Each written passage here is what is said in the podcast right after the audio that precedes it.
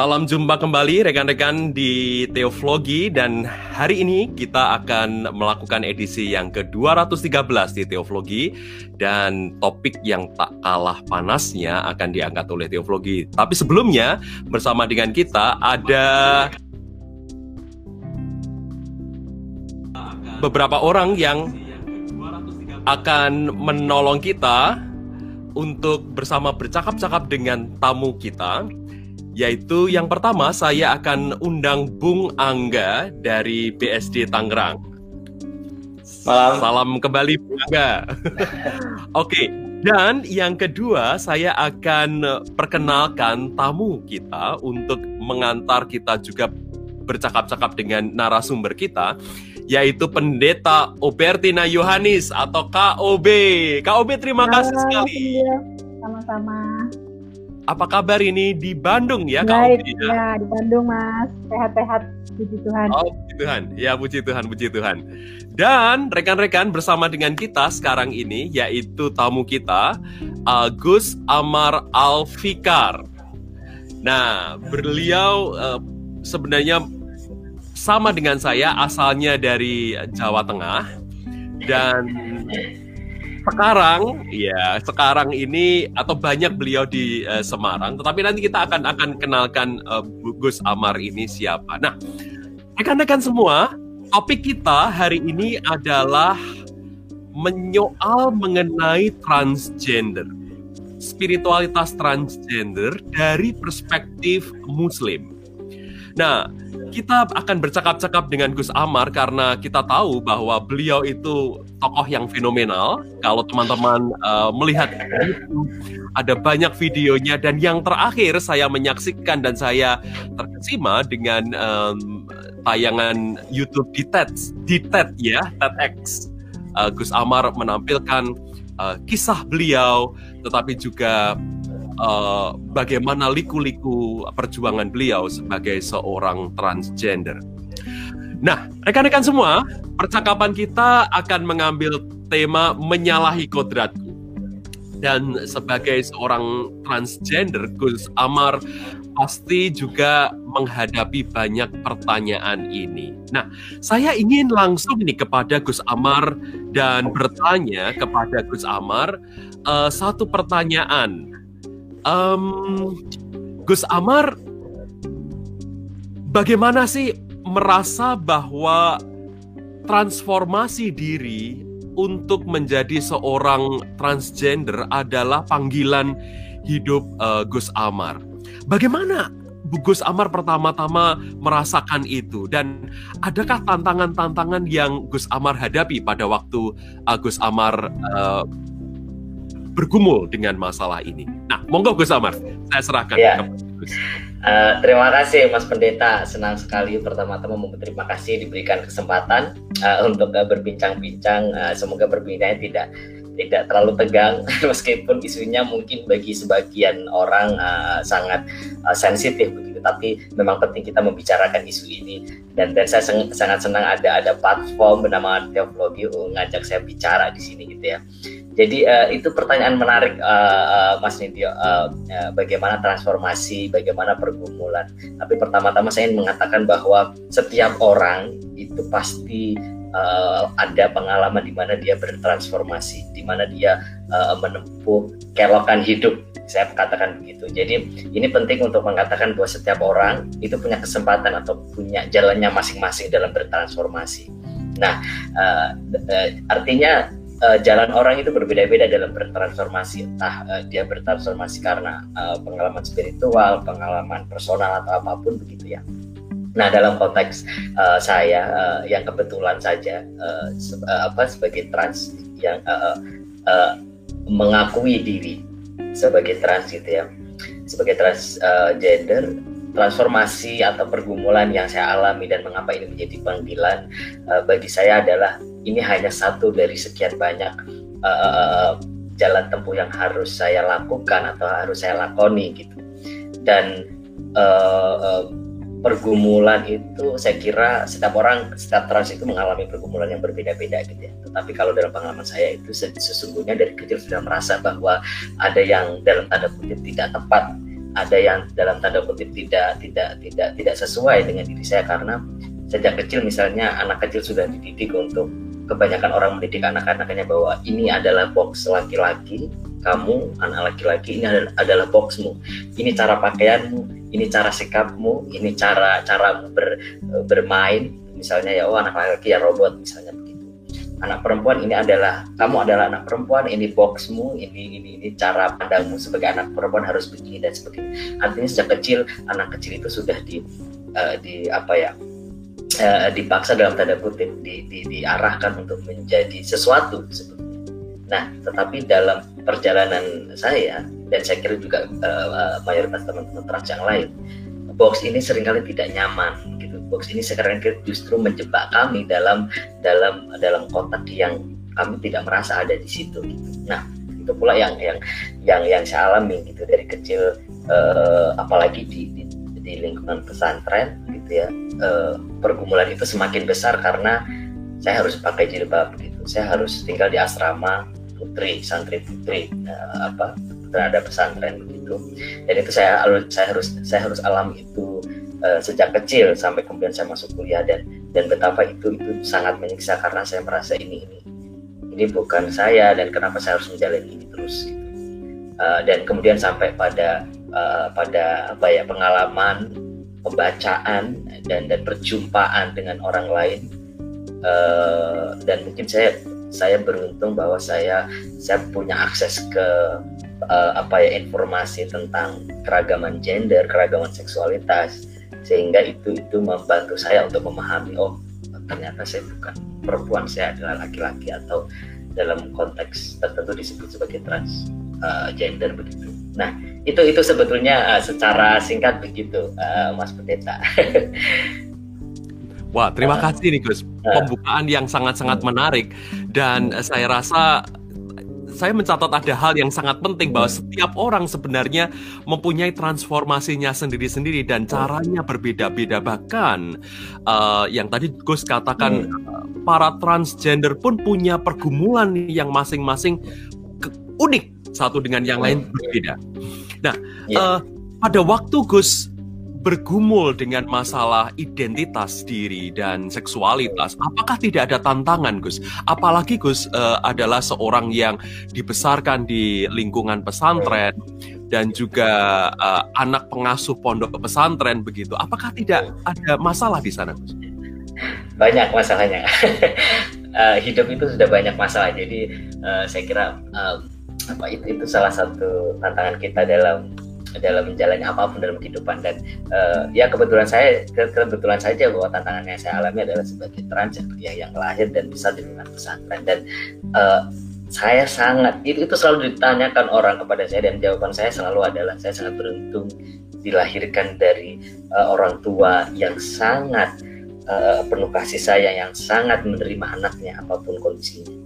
Dan jadi kalau ditanya eh, wah kamu berani sekali sering orang bilang begitu wah kamu berani sekali tampil begini begitu. Itu bukan keberanian saya itu itu hanya buah atau warisan dari orang tua saya yang yang yang menunjukkan kepada saya bahwa saya diterima di keluarga. Bahkan pesan penting uh, bapak saya selalu adalah uh, jangan pernah tinggalkan akarmu jangan pernah tinggalkan keluargamu apa pun kondisinya dan dan itu itu yang selalu saya pegang artinya bahwa uh, saya melihat dalam dalam cara orang tua saya uh, bagaimana mereka menerima saya bagaimana mereka menemani uh, apa proses saya bertransisi begitu uh, mereka selalu men, apa ya uh, mereka mengajarkan saya bahwa religiusitas keimanan uh, spiritualitas itu harus sejalan dengan cinta kasih terhadap sesama harus sejalan dengan penerimaan kita terhadap keragaman bentuk dan wajah manusia.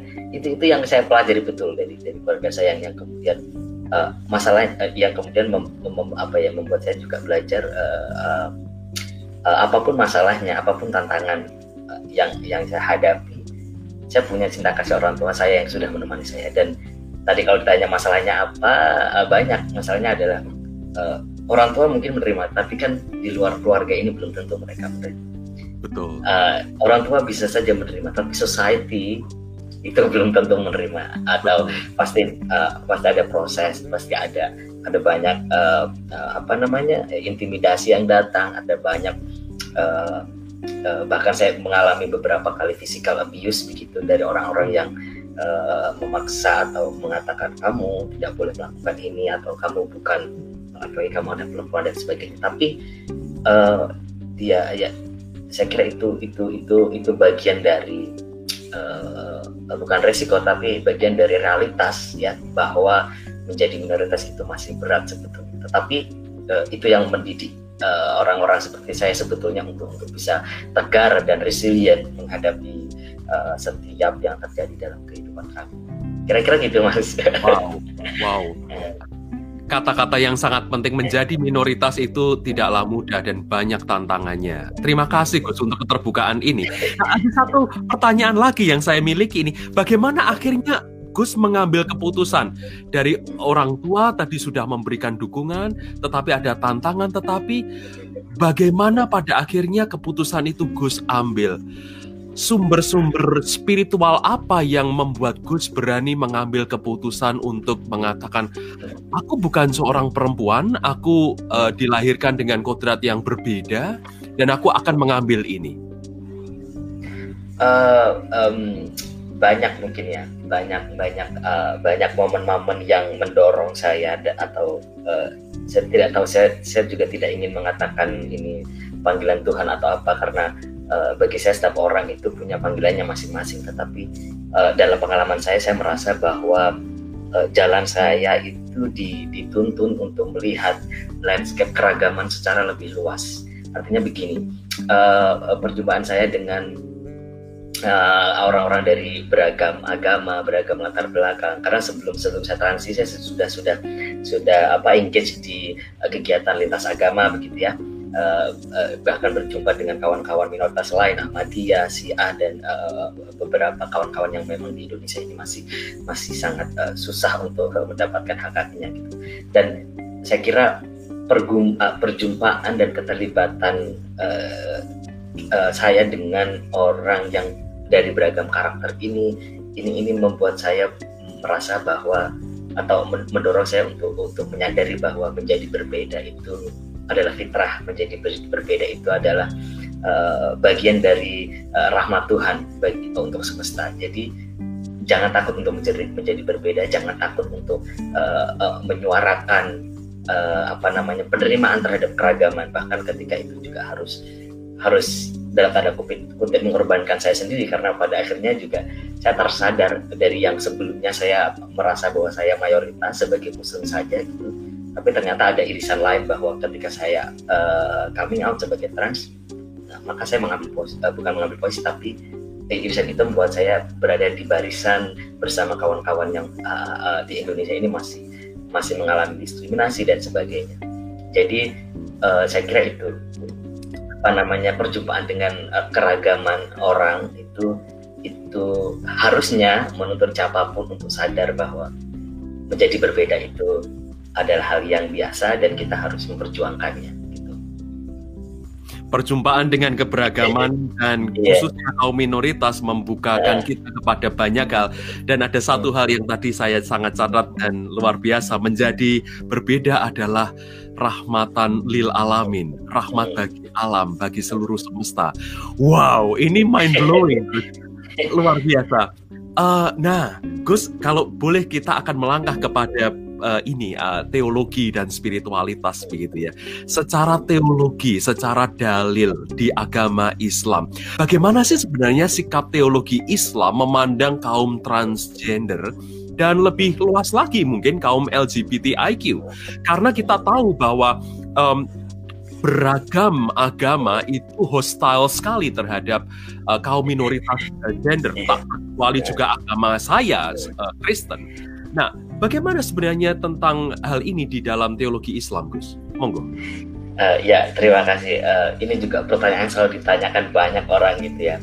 Uh, dan sebetulnya kalau kita ingin membaca lebih luas, kita ingin mem, uh, saya kira persoalannya tidak hanya pada realitas atau fakta sejarah atau uh, tafsir ya, tetapi uh, apakah kita mau bersedia melapangkan diri untuk menerima informasi, menerima uh, dan belajar untuk melihat bahwa uh, ada ada tafsir-tafsir yang lain atau ada ada uh, ada ada keragaman pemaknaan dan realitas yang yang yang yang yang bisa kita baca Eh, terutama ketika itu dikontekstualisasikan dengan kehidupan kita saat ini. Nah, dalam konteks transgender itu sebetulnya uh, di um, jadi begini di dalam pesan, tradisi pesantren itu seharusnya atau uh, uh, sejarahnya itu memang dididik untuk melihat ada keragaman uh, sejarah atau keragaman uh, sumber hukum Islam. Misalnya dalam fikih itu biasanya santri itu di uh, ada ada ruang atau ada ada apa ya ada sesi yang namanya itu Basul Masail di mana santri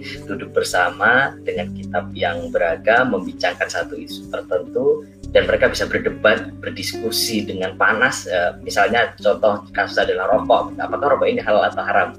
Itu itu orang bisa sangat beragam jawabannya dan bisa beragam sumbernya. Nah dari situ saya ingin ingin, ingin mengatakan bahwa e, selalu ada keterbukaan pemahaman atau tafsir. Nah, dalam konteks transgender atau sebenarnya tidak hanya transgender tapi dalam uh, orientasi seksual juga, keragaman gender juga uh, dalam Islam uh, uh, saya belajar bahwa uh, sebetulnya keragaman gender dan seksualitas itu sudah menjadi bagian dari uh, masyarakat muslim ratusan tahun lalu. Tetapi perkembangan politik, perkembangan apa namanya uh, konservatisme agama juga ini fakta-fakta atau realitas yang tadinya tampil dalam bentuk keragaman gender dan seksualitas ini kemudian terkubur berganti dengan narasi-narasi yang menolak keragaman uh, dan dan terlalu biner begitu. Nah, contohnya misalnya begini, um, uh, uh, dalam kitab klasik uh, para fukoha atau ahli fikih ratusan tahun lalu itu di dalam fikih klasik itu sudah menyebutkan ada istilah itu namanya al khunsa Al-Khunta ini adalah istilah uh, term yang digunakan untuk menyebut uh, orang yang pada waktu itu uh, uh, karena belum ada ada perkembangan medis seperti sekarang, tapi uh, para fuqaha ini ini ini sudah mengakomodasi bahwa ternyata dalam tubuh manusia itu ada uh, ada orang yang punya uh, uh, kelamin ganda. Waktu itu al-khunsa di, disebut uh, digunakan untuk menyebut orang yang berkelamin ganda meskipun dalam konteks sekarang uh, al khunta ini sebetulnya bisa kita kembangkan tidak hanya orang yang berkelamin ganda tapi orang yang dalam tubuhnya ini hormonnya kromosomnya ini bisa sangat uh, bercampuran antara kebetinaan dan kejantanan dan ini hal yang wajar dalam istilah dalam dalam dunia medis bahwa uh, dalam menyentuhkan jenis kelamin itu sering kali tidak hanya apa ya tidak hanya sekedar bentuk kelamin tetapi dalam tubuh manusia ini ada loh orang yang hmm. kromosomnya itu uh, apa jantan tapi ternyata hormonnya betina atau sebaliknya. Percampuran itu itu sangat sangat biasa dalam tubuh kita gitu. Nah bayangkan dalam uh, uh, apa ya uh, ratusan tahun lalu belum ada ilmu medis belum ada ilmu psikologis tidak seperti sekarang tapi para ahli hukum jurisprudensi Islam atau fokoha ini para ahli fikih ini sudah mengatakan al khunsa di dalam kitab klasik dan bahkan mereka di uh, diatur tata cara sholatnya seperti apa. Itu bahkan disebutkan uh, al khulta ini. Uh, ada juga istilah lain seperti al al untuk menyebut orang yang tidak berkelamin ganda. Tetapi uh, al mukhonaf ini uh, orang yang uh, secara biologis laki-laki tapi ekspresinya perempuan.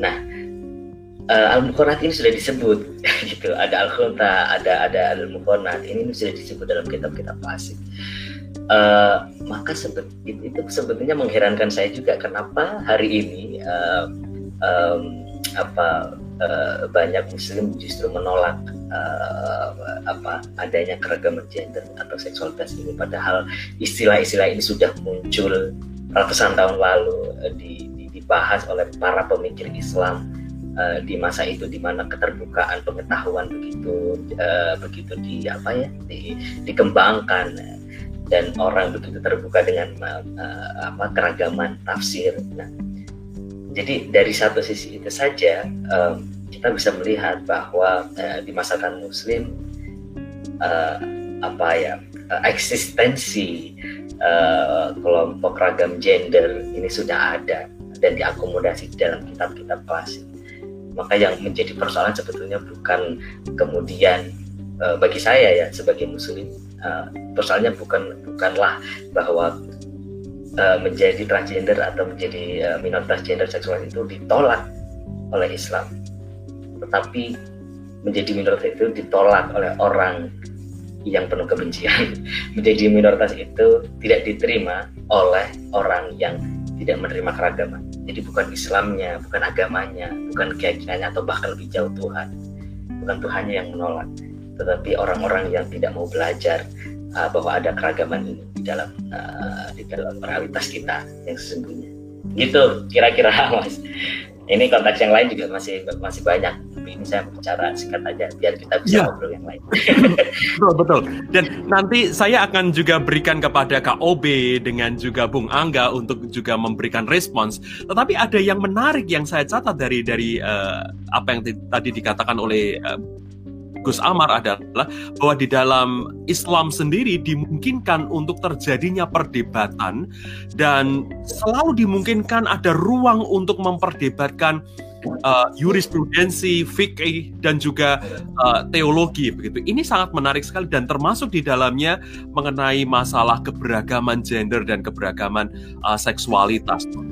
Uh, bagi saya hal ini yang harus dicatat uh, Gus karena harus diakui para pemirsa yang juga kebanyakan saya asumsikan uh, adalah kaum uh, Kristen itu merasa ada orang-orang Kristen yang merasa ya kita punya set doktrin, kita punya set teologi yang sudah pasti, yang sudah jelas ini dan tidak boleh ditawar, tidak boleh dipercakapkan. Kalau ada yang mendebatkannya itu berarti uh, bisa mengarah kepada pelencengan agama atau uh, heresi atau kesesatan seperti itu. Tetapi apa yang tadi Gus Amar katakan bahwa ada ruang loh di dalam Muslim sendiri uh, untuk mempercakapkan, memperdebatkan dan ini juga mengingatkan saya bahwa di dalam Yahudi ada uh, rabi yang mengatakan kalau dua orang rabi ketemu itu pasti ada tiga ide yang baru yang muncul.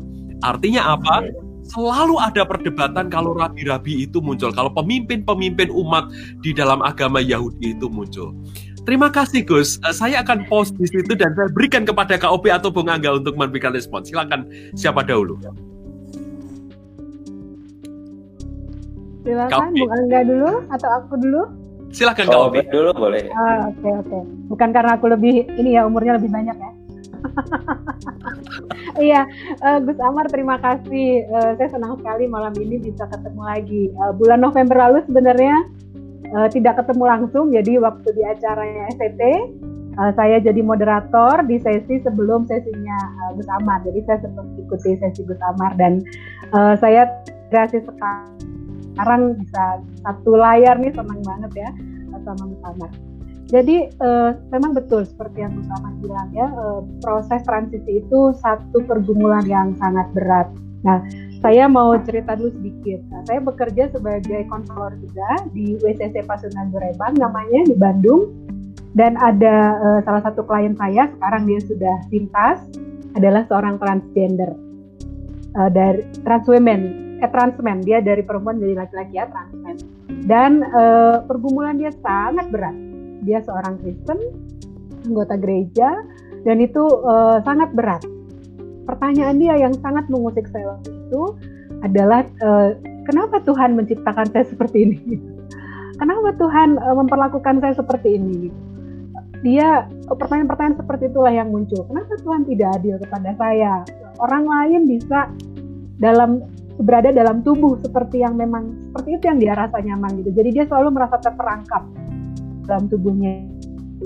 Nah, jadi uh, pergumulan itu yang menurut saya cukup sulit bagi saya sebagai seorang pendamping padahal saya juga pendeta gitu ya, karena saya tidak pernah uh, punya pengalaman seperti itu dan itu rupanya sangat ini buat dia sangat apa ya core gitu inti dirinya itu jadi dipertanyakan.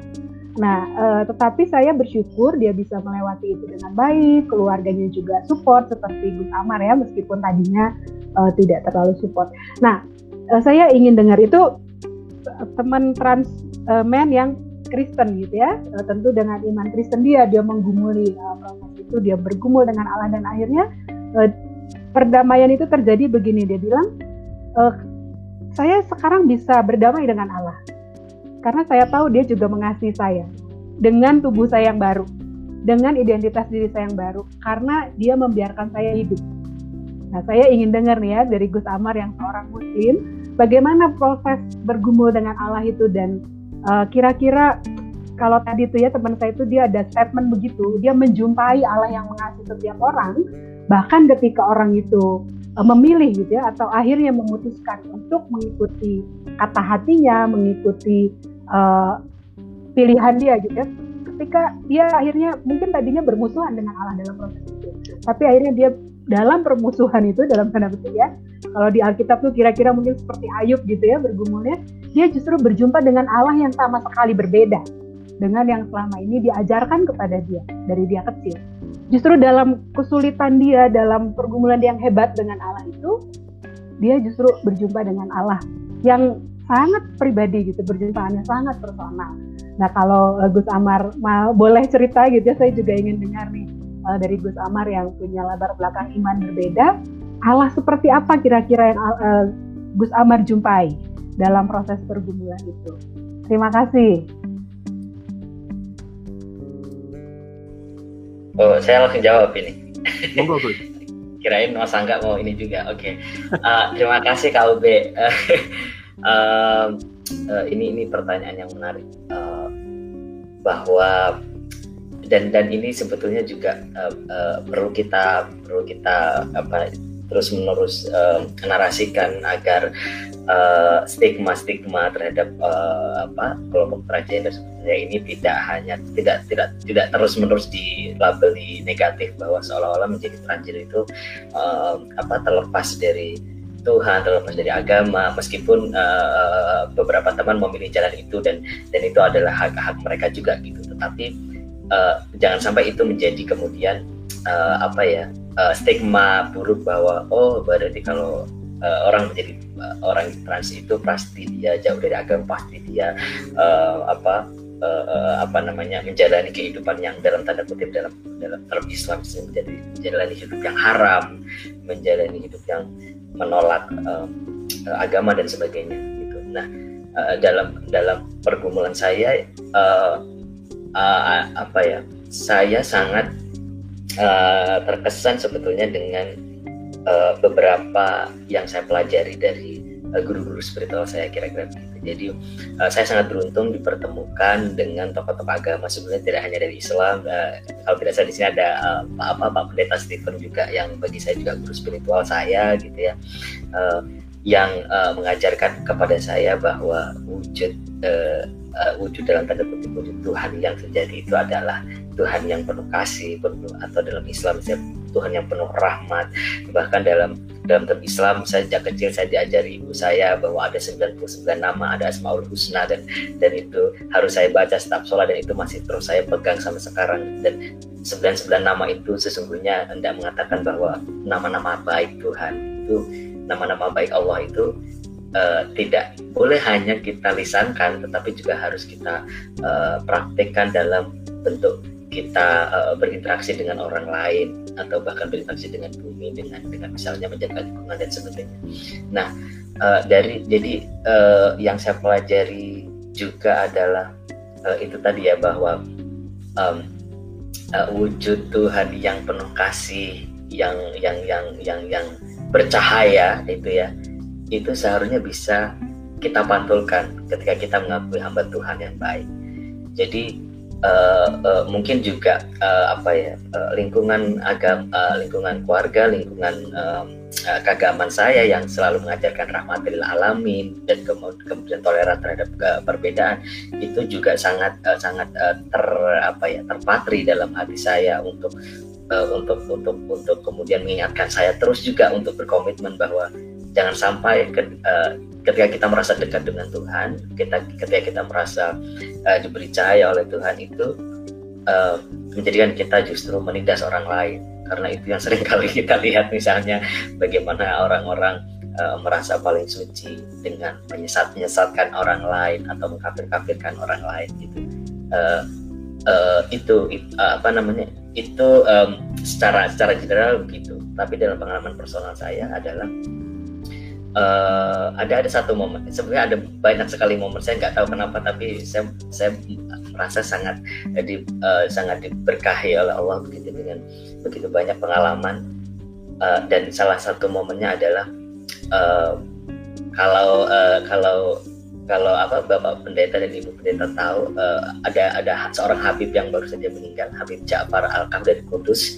Saya kira Mas pendeta dan dia juga kenal. Jadi uh, suatu, suatu uh, beliau sangat sangat uh, punya keluasan ke apa ya kebijaksanaan yang sangat luas sekali.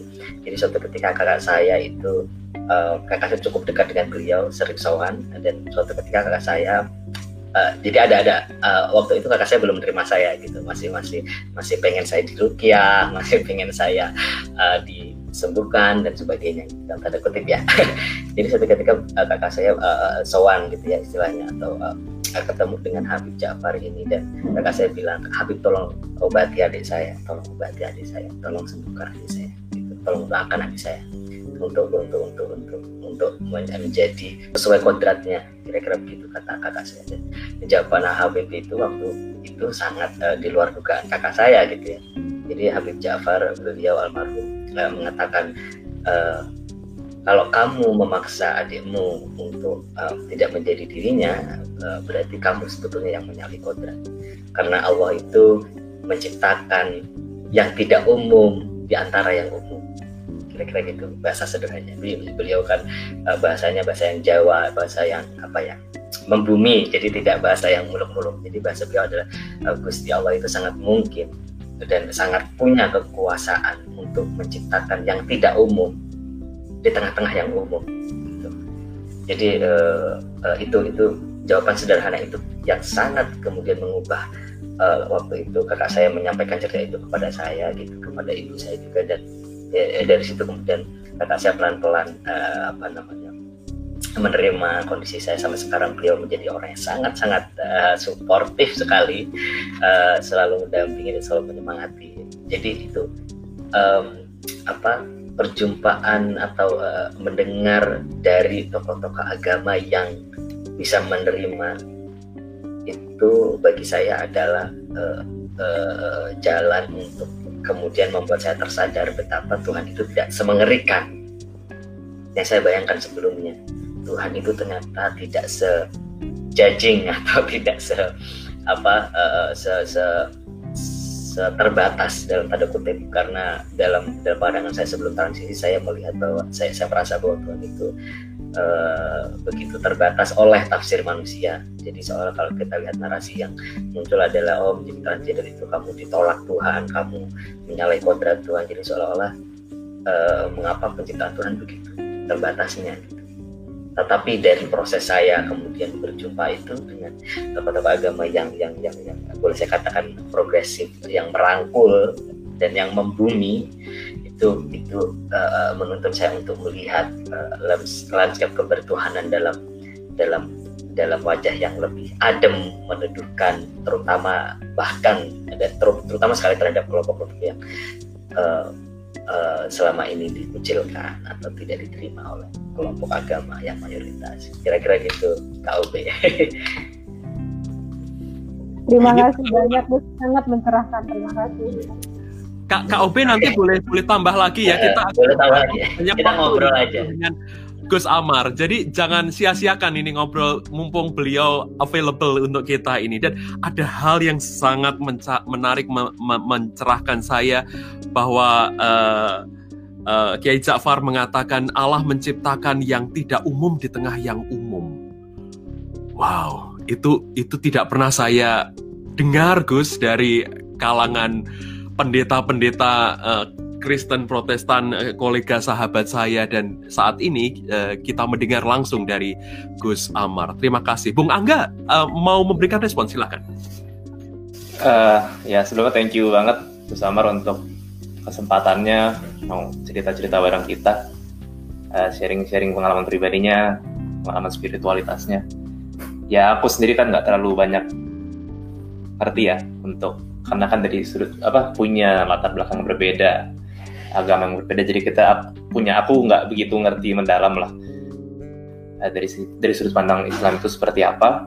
Tapi tadi aku dengar beberapa kali komen-komen itu aku melihat luar biasa ya. Kayak Gus Amar bilang, terkadang kita terbiasa melihat Tuhan, melihat Allah itu seperti sudah dikekang, sudah di, sudah dibatasi oleh pemahaman pembacaan orang-orang. Ya udah, terus lalu kita berhenti, lalu kita menolak kalau ada sesuatu yang nggak cocok atau apa, alih-alih direnungkan, alih-alih dipikirkan sederhana ya ngomongnya kalau di posisi mayoritas yang beda itu sesat, yang beda itu kafir, mungkin kan seperti itu. Tapi tadi Gus Amar cerita ya luar biasa bahwa dari pengalaman real uh, mengalami dan punya pemahaman yang jauh lebih kaya ya. Tapi mungkin aku jadi punya pertanyaannya gini ya.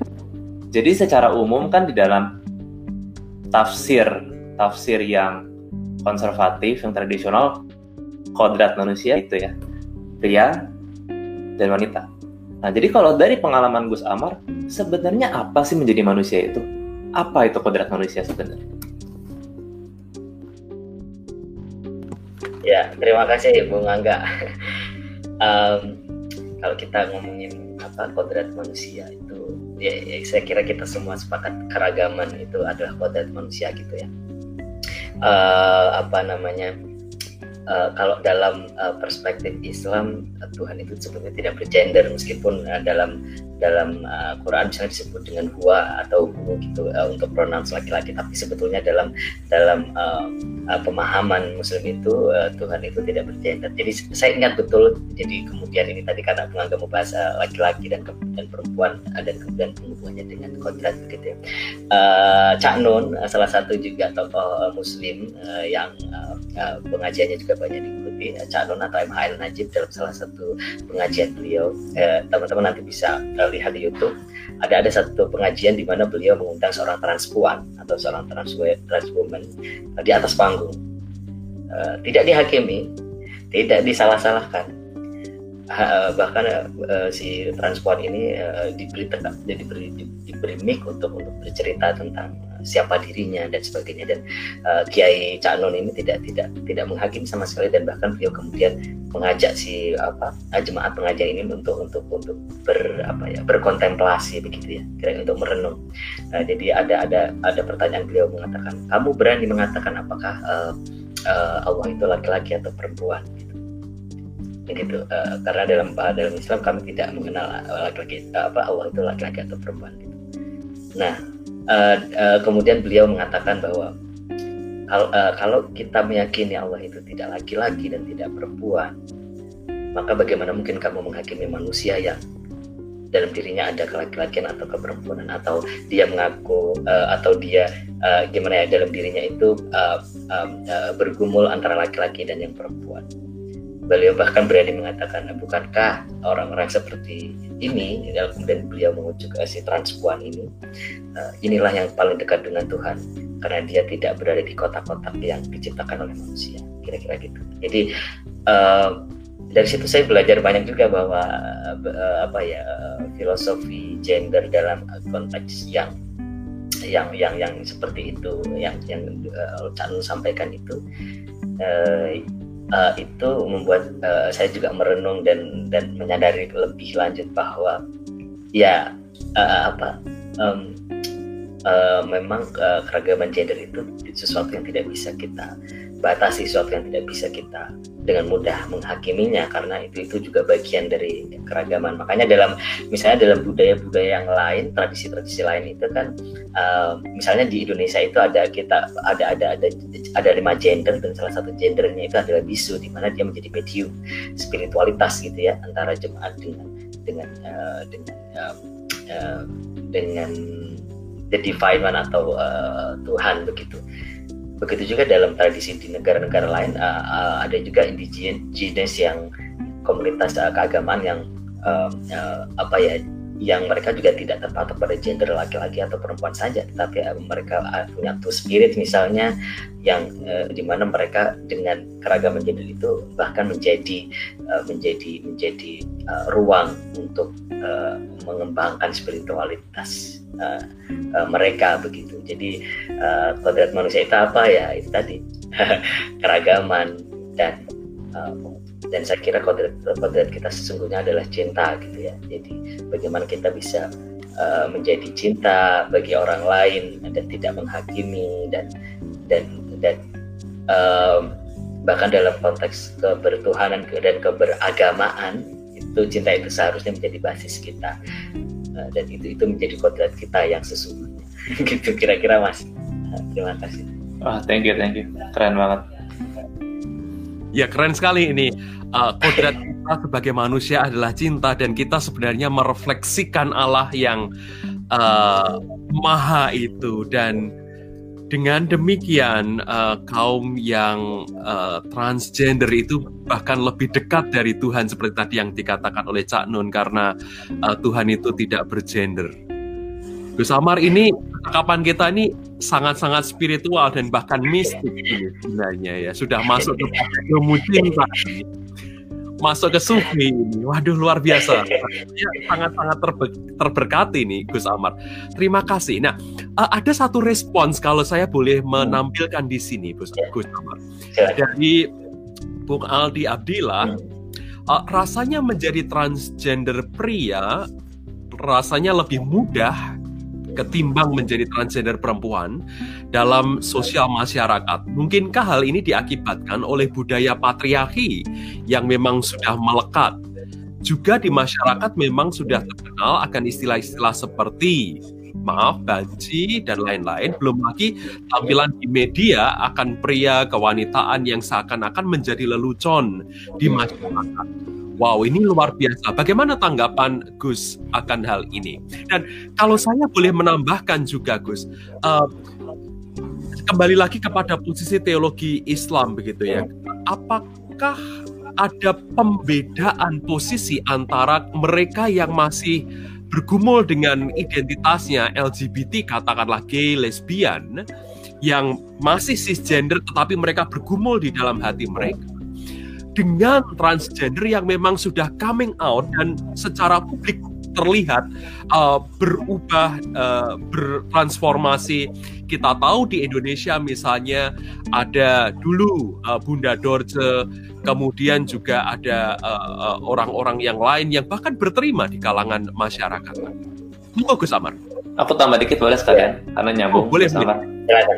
Jadi mungkin kalau dalam praktisnya aja Gus Amar kalau ketemu orang yang sedang bergumul, apakah Gus Amar akan serta uh, sudah responnya gimana? Apakah lebih kayak ya udah kamu cari aja identitasmu, explore atau ada kasus-kasus di mana ya nggak tentu juga bisa juga orang itu memang bebannya untuk bergumul di situ. Gitu. Iya. Nah, Bung Angga, pertanyaan itu juga penting untuk KOB karena KOB punya praktik uh, paspor oral yang real dan nanti KOB kita minta juga untuk uh, memberikan kontribusi di sini. Mantap, mantap. Oke. Okay. Terima kasih ini, aduh uh, sangat keren sekali perbincangannya, betul-betul uh, uh, kaya gitu ya. Saya senang nih kalau ngomong kayak gini, jadi uh, uh, saya juga belajar banyak sebetulnya. Oke, okay, uh, jadi ini uh, terkait tadi ya, uh, uh, uh, kayaknya kalau di apa uh, di Indonesia apa tadi um, menjadi transgender pria lebih mudah ketimbang menjadi transgender perempuan. Um, saya kira kita tidak dalam uh, kompetisi untuk menjadi siapa yang lebih menderita atau siapa yang lebih mudah kehidupannya. Karena uh, kita semua sama penderitaannya dan juga sama privilege-nya dalam arti uh, uh, privilege uh, artinya uh, ada orang-orang misalnya kalau dalam konteks saya saya tidak saya harus mengatakan saya punya privilege karena diterima oleh orang tua gitu. Karena teman-teman saya banyak yang mereka diusir dari keluarganya, dicoret dari kakak misalnya begitu dan uh, bahkan ada kasus di mana seorang transgender pria teman saya itu diperkosa oleh keluarganya sendiri hanya untuk mengatakan keluarganya ini hanya untuk ingin mengatakan kamu perempuan. Dan ini uh, kerap terjadi dalam uh, uh, apa ya? Uh, kerap terjadi uh, pada transgender pria, uh, maksudnya teman-teman seperti saya karena uh, cara biologis gitu ya uh, mereka dianggap secara biologis dianggap ya. Saya ingin mengatakan secara biologis dianggap perempuan dan karenanya di, dilecehkan dan kemudian bahkan uh, di abuse. Mohon maaf kalau ini nanti memicu trauma teman-teman yang ada di sini. Tapi itu ini harus saya sampaikan. Dan ini ini ini, ini, ini saya kan bahkan uh, teman saya itu yang kembali diperkosa itu bahkan dia juga harus dikriminalisasi. Dia harus hamil hamil dan melahirkan anaknya. Tapi dia juga masih harus dikriminalisasi oleh keluarganya sendiri. Begitu. Dan itu terjadi. Uh, itu realitas kita. Nah um, jadi saya ingin mengatakan jadi transgender apakah pria atau perempuan itu sama-sama uh, sama saja tantangannya ketika keluarga uh, realitas uh, masyarakat kita uh, sebagian masih masih uh, uh, belum bisa memahami keragaman ini sehingga uh, selalu ada upaya-upaya untuk conversion terapi. Ya, kami menyebutnya begitu. Jadi banyak sekali conversion terapi bentuknya bisa dalam bentuk dirukiah uh, dibawa ke psikolog yang hmm, ternyata malah konservatif diceramai dan sebagainya. Itu banyak terjadi. Jadi saya kira memang sumbernya patriarki ini tidak hanya menyerang kelompok apa teman-teman transpuan tapi juga transpria itu juga menjadi korban dan saya kira siapa pun sebetulnya dalam konteks uh, uh, toxic masculinity atau patri ini siapa pun jadi korban begitu. Tidak perempuan bahkan laki-laki yang hmm, apa feminin dan sebagainya gitu. Uh, jadi itu um, uh, sama saja lah kita sama-sama menderitanya gitu tapi sama-sama resiliennya untuk untuk apa untuk, mengupayakan supaya orang lebih bisa uh, uh, menerima keragaman kira-kira gitu. Nah uh, untuk pertanyaan Bung Angga tadi uh, apa namanya uh, bagaimana menanggapi teman-teman yang uh, bergumul? Saya kira setiap orang itu pasti selalu ada pergumulannya masing-masing dan memang saya sering ditanya teman-teman gitu tiba-tiba banyak yang uh, ada yang email juga bercerita tentang pengalaman mereka dan sebagainya dan uh, jawaban saya selalu adalah uh, cintai kenali diri kita sendiri dan itu kadang-kadang waktunya uh, bukan kadang tapi sering kali kita tidak uh, sering kali itu membutuhkan waktu yang demikian panjang. Tidak tidak lagi hanya hari bahkan ngobrol dengan orang uh, misalnya uh, bahkan saya membalas uh, apa namanya email mereka atau surat mereka atau chat mereka pun belum tentu itu bisa kemudian menjawab pergumulan mereka. Karena pada akhirnya uh, dia sendiri atau uh, personal personnya sendirilah yang yang yang bisa memahami dirinya sendiri kemudian mengenali siapa dirinya dan dan itu ditempuh dengan berbagai pengalaman. Tidak hanya sekedar kita berbicara dengan orang lain tapi sebetulnya juga kita berbicara dengan diri kita sendiri. Siapa diri kita sebenarnya kira-kira gitu. Dan uh, saya selalu menyampaikan ini bahwa dalam sufi itu dikenal manarufa nafsahu fakot bahu siapa yang mengenal dirinya maka dia mengenal Tuhan jadi itu itu yang selalu saya sampaikan ke teman-teman. Uh, jangan khawatir kamu tidak, uh, saya selalu mengatakan kamu tidak sendiri, uh, kamu uh, pasti ada orang lain yang bisa menemanimu berbicara, tetapi yang lebih penting adalah kamu berbicara dengan dirimu sendiri. Kamu cintai dirimu sendiri, gitu. Meskipun itu pengorbanannya juga begitu berat, tapi itu yang harus kita jalan. Gitu. Nah, ya, kemudian uh, tadi soal kalau dalam Islam itu uh, apa namanya? Apakah ada pembedaan misalnya antara yang uh, ibadah laki-laki, perempuan yang peran dan sebagainya? Itu dulu saya juga sering bertanya gimana ya eh, ibadahnya? Apakah harus pakai mukena atau harus pakai peci atau gimana? Dan sebagainya. Uh, dan saya menemukan uh, macam-macam jawabannya. Ada ada ada ada ada ada kiai yang jawabannya uh, ya sudah kamu uh, pakai peci dan sarung uh, terus kalau meninggal gimana kiai? Misalnya begitu ya kemudian uh, jawab ya kalau meninggal berarti tergantung ketika meninggal itu dia tubuhnya fisiknya seperti apa gitu. Apakah misalnya dia menempuh transisi medis atau seperti apa gitu. Uh, itu satu jawaban karena masih ada jawaban yang lain. Dan sampai kemudian saya bertemu uh, uh, ini, uh, dengan jawaban uh, seorang ulama juga dia mengatakan istafti kolbak. Carilah fatwa dari dirimu sendiri atau dari hatimu sendiri jadi dalam konteks transgender uh, memang fikihnya itu sangat uh, masih belum uh, belum ini ya belum uh, uh, belum begitu komprehensif begitu ya. Uh, jadi uh, kalau boleh saya mengatakan kan kalau untuk saya diri saya sendiri saya pegangan saya dari itu istiqomah kolbak saya tanya kepada hati saya sendiri apakah saya nyaman dengan beribadah seperti ini atau dengan pakaian yang seperti apa? Bahkan kalau kita belajar di pesantren Waria Al Fatah di Yogyakarta itu ada pesantren untuk waria itu Ustadz Arif uh, sebagai pengampunya beliau juga selalu mengatakan uh, di sini waria atau transpuan tidak dipaksa untuk sholat pakai mukena. Siapa pun bebas uh, sholat dengan dengan pakaian yang membuat mereka nyaman pakaian yang membuat mereka uh, khusyuk dalam beribadah. Karena kan esensinya itu yang kita cari ya. Ibadah itu tidak bukan sekedar apa yang kita tampilkan atau apa yang kita pakai tapi apakah hati kita terhubung dengan uh, dengan semesta dengan Tuhan dan apakah kemudian dari ibadah itu kita bisa uh, mempraktekannya dalam melakukan sehari-hari dengan orang lain. Jadi tidak hanya ibadah ibadah saya mengatakannya ibadah uh, vertikal dengan Tuhan tapi ibadah horizontal itu juga menjadi titik yang sangat penting dari ibadah-ibadah uh, yang kita lakukan. Gitu kira-kira. Wow, menarik sekali dan saya mau turn kepada KOB ini sebagai eh. seorang pendeta yang juga secara real menghadapi kasus di lapangan.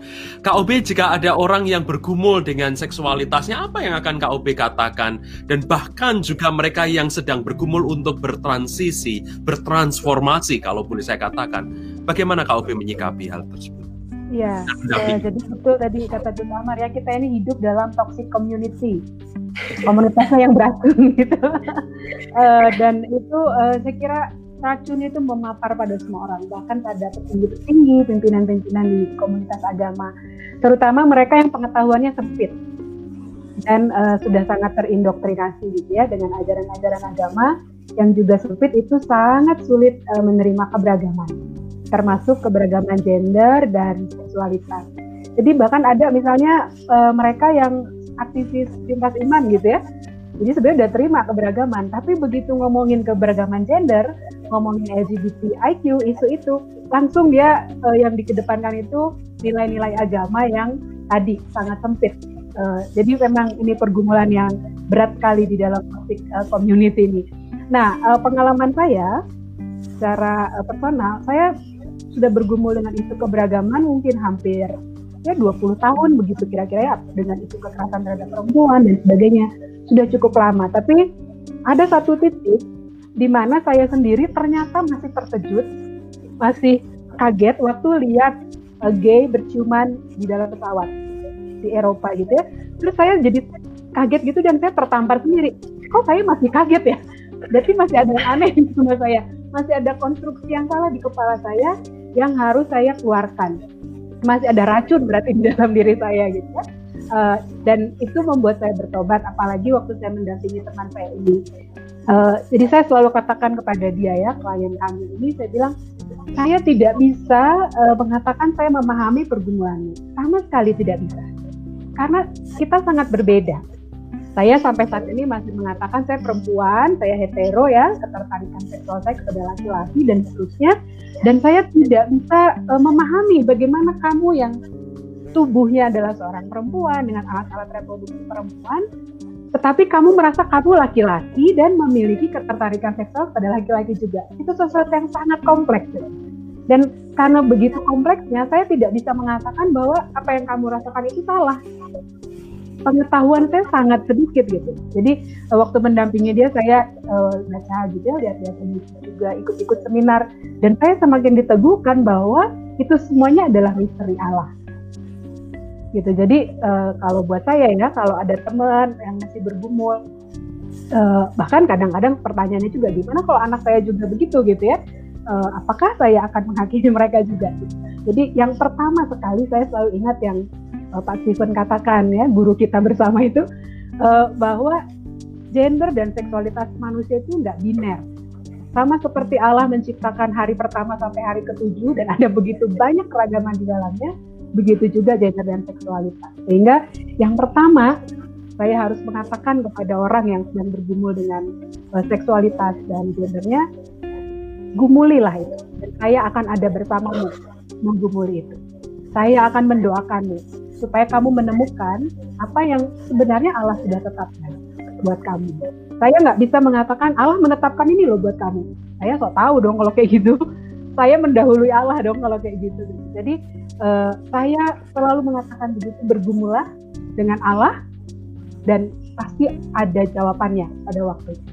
Dan kalau kamu menemu apa memerlukan teman, saya ada di sini bersamamu. Jadi ini pula saya kira yang penting tadi saya catat ya Gus Amar dalam pergumulan itu mendapat pertolongan dalam tanda petik dari para tokoh agama yang uh, disebut oleh Gus Amar sebagai guru. Nah sayangnya dalam pengalaman saya masih banyak tokoh agama yang belum jadi penolong, masih banyak malah yang ikut bully, yang ikut menjauhi, yang ikut mencap-cap dosa gitu ya, uh, ikut mengatakan dia uh, menyalahi kodrat, dia sesat dan lain sebagainya. Jadi uh, kalau ada teman-teman uh, sekolah apa mahasiswa teologi atau pendeta juga yang uh, lihat YouTube-nya teologi, saya mau uh, mengajak kita untuk menjadi seperti guru-guru yang tadi Agus Amar ceritakan ya, yang menjadi teman dalam proses pergumulan itu dan uh, mendampingi mereka yang sedang bergumul supaya berjumpa dengan Allah secara pribadi di dalam pergumulan itu dan berjumpa dengan uh, dirinya sendiri dalam pergumulan itu. Karena siapa saya yang bisa mengatakan kepada dia ini loh maksud Allah untukmu begini loh Allah menginginkanmu padahal jangan-jangan saya sendiri belum bertemu dengan Allah secara personal gitu, secara pribadi. Uh, saya kira gitu, uh, karena Bung Angga ya untuk pertanyaannya. Jadi kalau dan kalau kita ada di dalam masyarakat atau komunitas gereja yang di dalamnya ada banyak orang saya selalu katakan silent sufferer, mereka yang menderita di dalam diam karena takut gitu. Ada begitu banyak penderitaan yang bisa harus mereka tanggung kalau mereka speak up kalau mereka coming out. Saya beberapa kali eh, kalau bicara soal keragaman gender dan seksualitas bisa tahu eh, isu-isu perempuan kekerasan saya selalu sertakan alamat email dan WhatsApp saya di bagian akhir slide. Dan beberapa kali saya berjumpa dengan orang yang minta cerita setelah itu lalu uh, mengatakan saya punya teman saya punya teman yang uh, kayaknya seperti yang ibu ceritakan tadi dia berbeda uh, seksualitasnya gendernya Terus saya katakan, oh ya bagaimana temanmu itu? Dan dia ceritanya detail sekali. Saya pikir itu bukan teman, itu pasti dia gitu. Tapi saking takutnya dia cerita, dia belum belum percaya sama saya ya, baru ketemu pertama kali. Jadi dia bilang ada temannya. Bayangkan betapa menderitanya, betapa susahnya menjadi menjadi dia. Gitu. Mau kita tambahi lagi dengan menghakimi, dengan membuli, dengan menyesat-nyesatkan dia gitu ya jadi kalau saya sih ayolah kita bertaubat gitu. Jangan menyesat-nyesatkan mereka yang berbeda, terutama uh, berbeda apa gendernya, berbeda orientasi seksualnya. Jangan-jangan kita aja nggak kenal loh diri kita. Kita terhisap dalam toxic community itu. Kita nggak bergumul. Saya ini benar nggak sih uh, hetero gitu ya? Saya ini benar. Jangan-jangan kita aja nggak begitu. Kita ikut aja karena tubuh saya perempuan ya saya bersikap seperti perempuan gitu ya, seperti yang tadi Pak Amar bilang sorry kalau kepanjangan. Terima kasih. Nah. Mudah-mudahan Bung Angga nggak malah jadi uh, overloaded gitu ya.